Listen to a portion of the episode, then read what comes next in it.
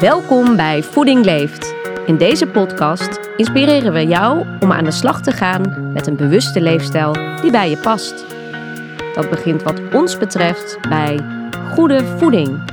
Zowel mentaal als dat wat er op je bord ligt. Want als je weet wat je echt voedt, dan vind je het beste voor je lijf en leven. Mijn naam is Barbara Kerstens en ik zit aan tafel met Nienke van der Zel, huisarts, en Marcel Dekker, coach bij Voeding Leeft.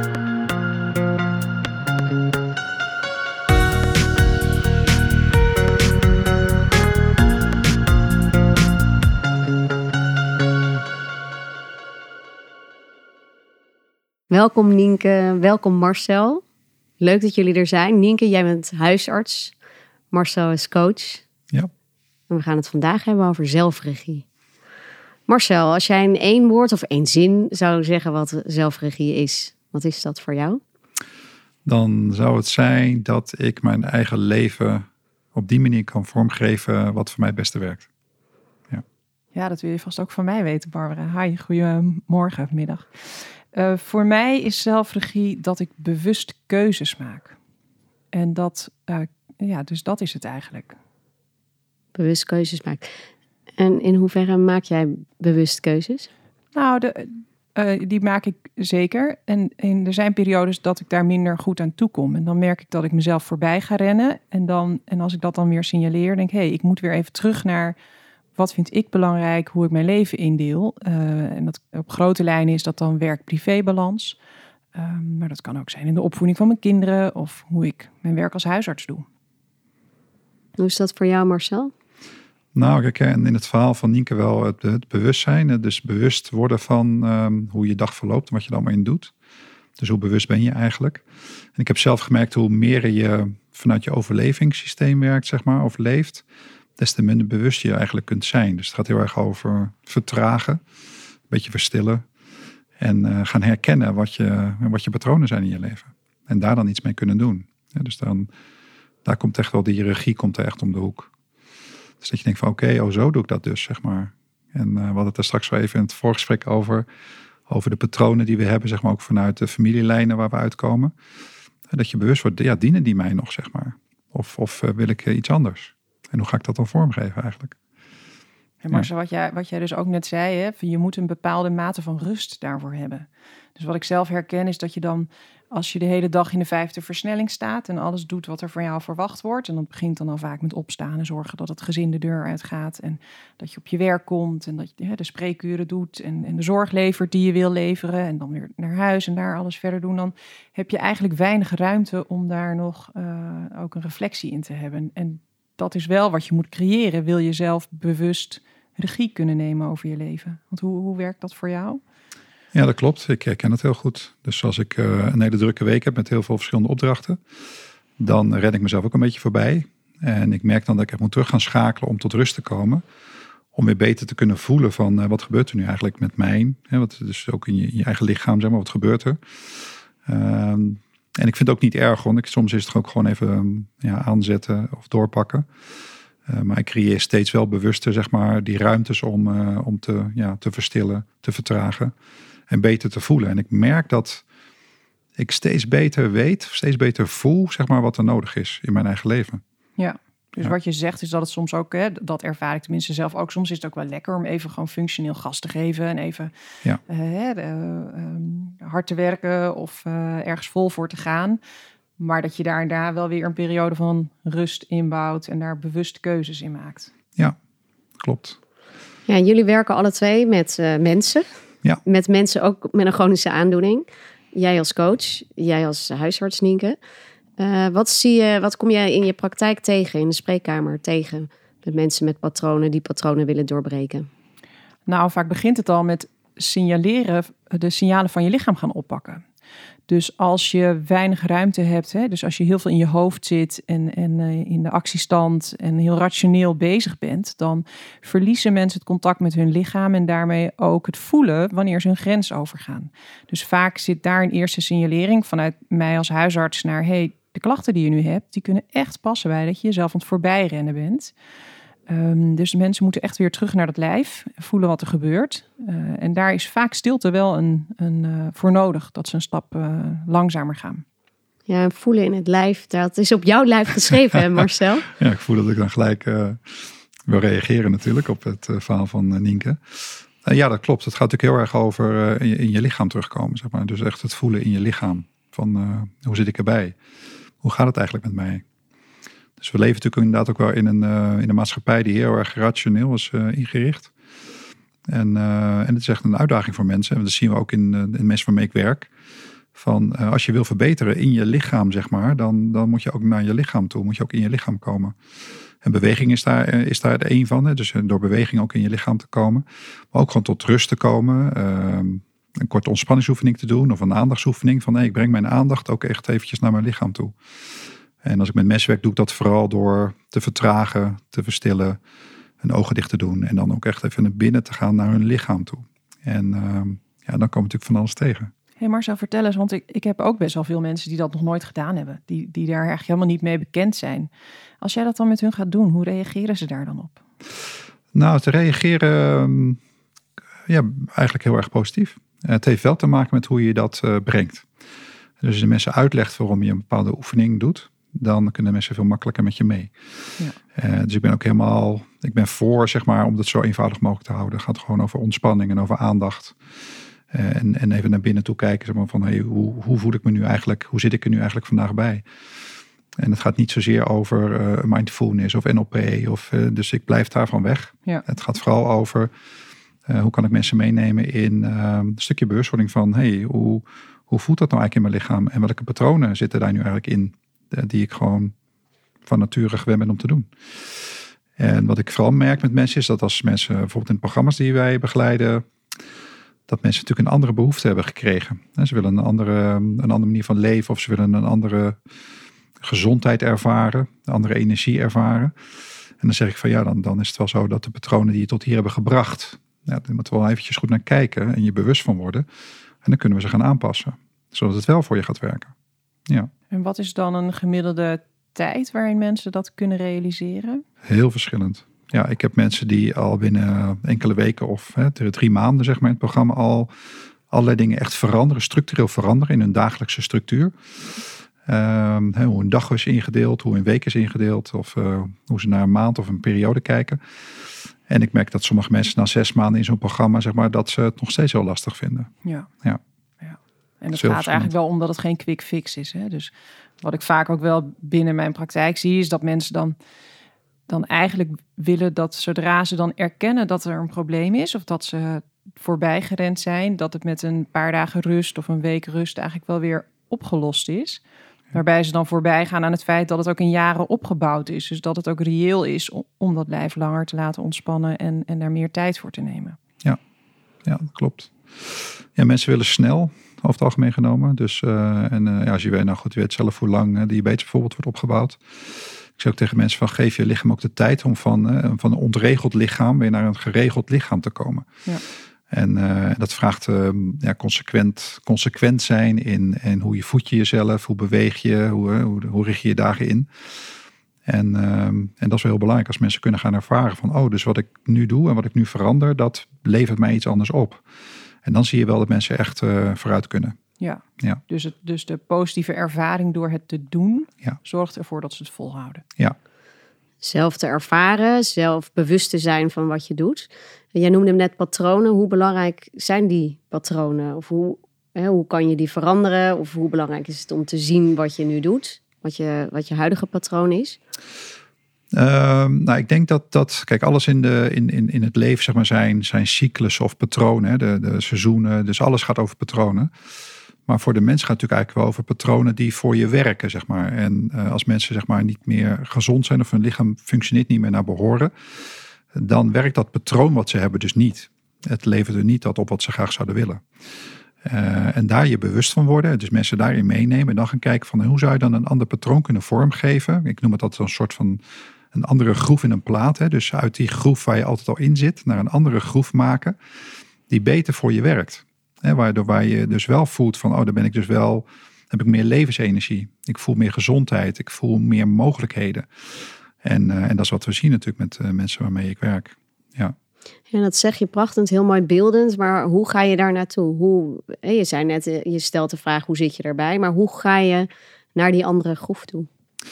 Ehm, ja, het is een beetje afhankelijk van. De mensen richten natuurlijk zelf hun, hun nieuwe structuur in.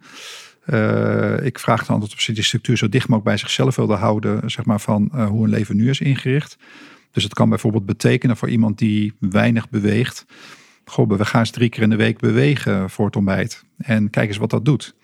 En, en kijk eens of dat een soort patroon kan worden, waardoor je dat continu blijft doen. En dus ik zou ook tegen de mensen, ga dan niet zeven keer per week wandelen als je nu helemaal niet wandelt, want dan ga je dat niet meer doen. Dus hoe zorg je ervoor dat je iets kan vormgeven wat je kunt blijven doen? Nou, dat is vaak kleine stapjes. En dan gaan mensen zeggen, oh joh, de drie keer in de week, dat gaat me prima af. Ik, ik liep eerst 15 minuten en nu een half uur. En ik merk dat ik me echt ja, energieker ga voelen. En dat het echt iets betekent voor mijn gezondheid. En op die manier kun je door middel van uh, beweging of voeding of uh, je overtuigingen, zeg maar, kun je langzaamaan gaan schakelen naar een ander patroon. En zodat je dat maar blijft doen, zeg maar. En daarom zeg ik al tegen mensen, let goed op je taal. Dus ga niet in volhouden zitten en in vasthouden. En, want dat is niet wat we willen. Zeg maar. We willen een duurzame verandering. En die gaat heel erg over dat je het kunt blijven doen. Dat je voelt van, oh, dit kan ik prima blijven doen. Dit ligt dicht bij mij. Dus, ik weet nog uh, dat jij dat, je hebt er eerder over verteld en we hebben ook samen programma's gedaan. En ik vind het dan zo mooi, dat, dat gebruik ik in mijn spreekkamer ook. Want dan hebben we een gesprek over hoe mensen hun leefstijl kunnen veranderen. En dan zeggen ze, nou, dat, dat ga ik dan proberen. En dan denk ik, ja, maar met proberen kom je er niet. Hè? Dus, dus je moet echt voor jezelf gaan staan en zeggen, nou, dat ga ik doen. En dan spreek ik vaak af, zullen we daar dan nog eens een keer op terugkomen? Dus ja, dat vind ik fijn. En, en, en, maar dan, er zit heel veel kracht in taal. Ja. En, en dat is heel leuk om met mensen ook gewoon letterlijk te benoemen. En dan, dan ontstaat er ook vaak een glimlach van, oh ja, dat is zo. Hè? De, uh, je hebt veel meer uh, eigen regie en, en zelfhelend vermogen in je dan dat mensen vaak bewust zijn. En, ja. en dat kan je op deze manier heel mooi aanspreken. Ja, ja absoluut. Ja, ik hou er heel erg van. Ja. dat zelfherstellend vermogen van, uh, van ons lichaam is zo fenomenaal. En uh, ik vind het heel mooi als we mensen er zeg maar, toe kunnen bewegen dat ze dingen gaan doen waardoor ze dat kunnen ervaren. Ja, wij halen hun echt uit die slachtofferrol. Hè? Dus, ja. dus je bent niet een, uh, een slachtoffer met een chronische ziekte. Je bent een eigen individu die zelf een keuze kan maken en die kan kijken wat werkt voor jou. En, en dat werkt, dat is voor iedereen individueel verschillend. En wij kunnen daarbij begeleiden, dingen aanreiken, maar je moet het zelf doen uiteindelijk. Ja, en vertrouwen is ook heel belangrijk. Hè? Dus vertrouwen krijgen in dat je die regie kunt pakken en dat het ja. ook iets voor je gaat betekenen. En dus mensen ook voelen van, hé, hey, ik, uh, ik heb daar zelf dus invloed op. En, uh, en hoe kan ik die invloed zo groot mogelijk maken? Want het gaat namelijk over mijn leven ja. en over mijn gezondheid.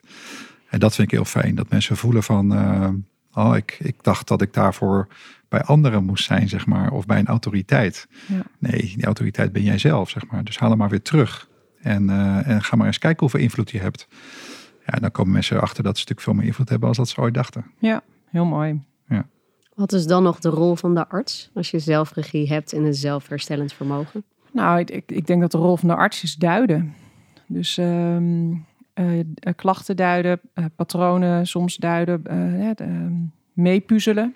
Dus, dus ik, ik zie het meer als dat ik als arts meeloop met mijn patiënten dan dat ik bepaal wat goed is voor iemand. En tuurlijk is het wel mijn rol om, om uh, medisch altijd te blijven nadenken of er niet andere uh, zaken ook meespelen. Um, maar ik denk dat een coach een enorme meerwaarde heeft in het omgaan met een chronische ziekte. Ja, want jullie werken samen ook hè, op de programma's. Hoe gaat dat in zijn werk? Waar houdt de een op en begint de ander? Of waar zit de overlap? Nou, ik denk dat bij ons zit er ook veel overlap in, omdat we uh, ook veel van elkaar geleerd hebben uh, in de afgelopen jaren en heel fijn samenwerken. En, en dat is natuurlijk heel fijn. Uh, mijn, ik denk dat hè, mijn rol is ook echt het medisch inhoudelijke deel en het uh, verantwoord, medisch verantwoord handelen. En, en Marcel's rol, als ik het invul, is toch heel erg die gedragsverandering begeleiden en ehm, stimuleren. Ja, en geloof ook wel, merk ik nu, nu ik met jou aan het praten ben, van dat mensen geloven, steeds meer gaan geloven in dat ze daar heel veel invloed op hebben. Dat vind ik heel belangrijk. En wat ik helemaal fijn vind, is zeg maar dat, uh, ja, ik kan natuurlijk wel met mensen in gedragsverandering gaan of uh, ze begeleiden in een ander patroon. Uh, maar ik vind juist die autoriteit vanuit de medische kant, de, gezond, de gezondheid medische kant, vind ik heel fijn. Want mensen maken zich zorgen over andere waarden dan alleen maar de waarden van bijvoorbeeld uh, diabetes zijn. En, uh, en daar speelt, vind ik, de, ja, de medisch specialist een hele grote rol in. Ja. Om dat vertrouwen ook echt te geven aan mensen. Je kijkt met jou mee, het gaat de goede kant op. Andere waarden gaan ook goed. Dat geeft mensen ook heel veel vertrouwen. Ja, en wat je daarmee eigenlijk zegt, is dat de rol dan is dat je een bepaalde angst wegneemt. Ja. Hè? Want, want we zien heel veel angst bij mensen uh, met een chronische ziekte. Angst voor de toekomst, voor wat die ziekte voor gevolgen voor hun kan hebben. Um, en, en wij moeten de ruimte creëren dat ze juist weer uh, zelf gaan veranderen. En, en dat dat oké is. Dat dat veilig is, verantwoord is en dat dat goed is. Ja, dus wat jij zegt is door het loslaten van de angst ontstaat er ruimte en ruimte om nieuwe patronen te maken, een ander gedrag aan te leren. En ruimte is volgens mij, Marcel, ook de ruimte die jij schept voor anderen om, om te veranderen. Hoe doe je dat? Ja, het begint uiteindelijk met de ruimte maken voor mensen om überhaupt zeg maar, zich open te kunnen stellen voor programma, voor verandering. En dat, uh, wat ik dan de mensen meeneem is dat ze ruimte maken in hun hoofd. Van nieuwe dingen uit gaan proberen, vraagt om ruimte te maken. We vinden namelijk iets van nieuwe dingen. Dat vinden we soms lastig. Dus hoe kun je ruimte maken in je hoofd, maar uiteindelijk ook ruimte maken in je lichaam, daar waar je verlangens liggen en je wensen en ook je wens tot verandering of verbetering, ruimte in het lichaam te maken en vanuit die ruimte, zeg maar, kunnen we opnieuw gaan staan en een ander besluit gaan nemen. Ja, want je hebt het over, over verandering, dat, daar vinden we iets van, of van het nieuwe, van het onbekende, daar gaan we liever niet naartoe. Ja. En daar heb je doorheen te breken. Ja. Dat is soms ook ongemakkelijk. Ja, dus dat zeg ik ook. Dit voelt niet comfortabel. Dus ik neem mensen ook vaak mee in oefeningen die in eerste instantie niet comfortabel voelen, omdat ze ze nooit hebben gedaan.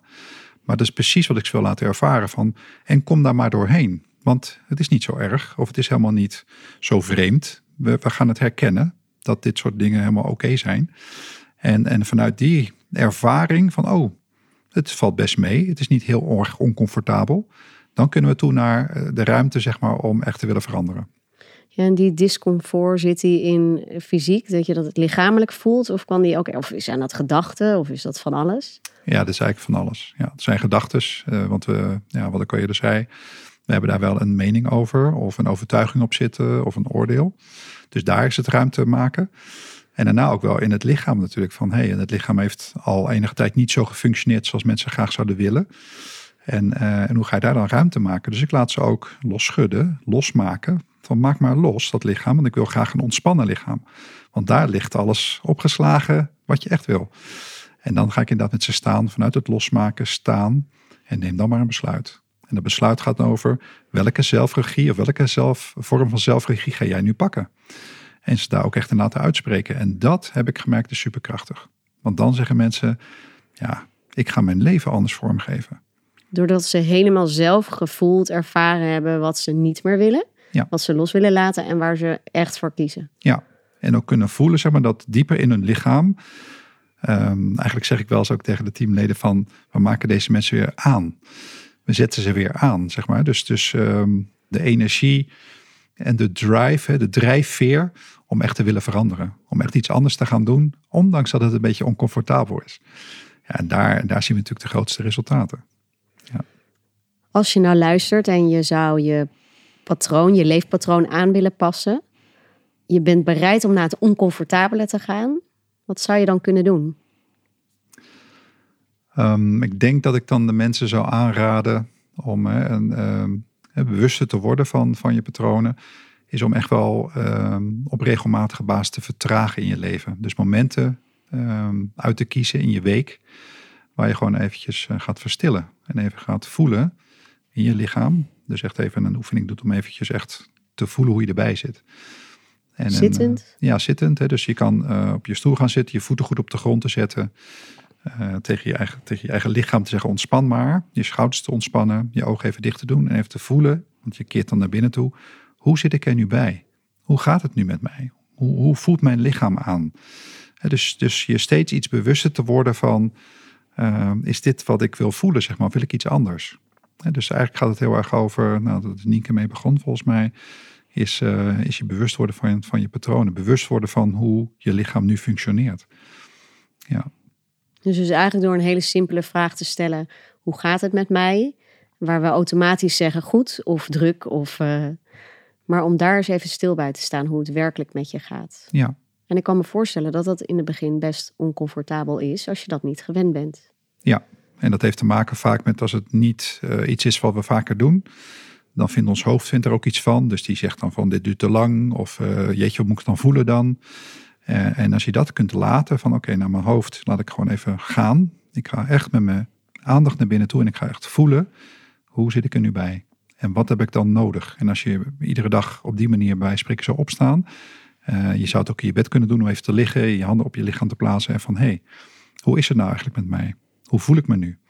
Of zittend als je uit je bed komt. Maar echt een moment te pakken om, uh, om even te checken. Om een soort lichaamscheck te doen van hé, hey, hoe is het nu eigenlijk met mij? En uh, wat heb ik dan nodig om hier weer een hele mooie dag van te maken? We komen ook een beetje uit bij wat we eerder besproken hebben. Is, uh, ja, wat is, wat is mijn intentie voor de dag? Hoe wil ik de dag in? Wat voor dag zou ik graag willen beleven? En ook daar hebben we ook heel veel invloed op. Ja, maar goed, dat is wellicht een andere uitzending. Vragen stellen aan jezelf, maar ik kan me voorstellen dat het soms ook fijn is om begeleiding te hebben. Nienke, wat zou de huisarts hierin kunnen doen? Nou ja, zoals ik al zei, hè, we, we, we, het is goed als wij het signaleren en mensen zich er bewust van maken.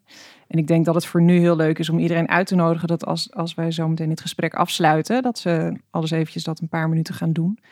Uh, voelen hoe ze erbij zitten en, um, en van daaruit gaan verder werken. Ja, in die zin vind ik uh, voelen, dat is weten. Prachtig. Mooie afsluiting. Ja. Dank jullie wel. Ja, dank jullie wel. Graag gedaan. Dank je wel voor het luisteren naar ons verhaal over voeding in de breedste zin van het woord. Op onze website voedingleeft.nl zie je hoe wij met wetenschappers, artsen en andere professionals leefstijlprogramma's en trainingen ontwikkelen en aanbieden. Heb je vragen? Mail ons dan op info@voedingleeft.nl. Heb je diabetes type 2 en wil je deelnemen aan Keer Diabetes 2 om? Ga dan naar keerdiabetesom.nl. Deze en onze andere podcasts zijn te beluisteren op Spotify en YouTube.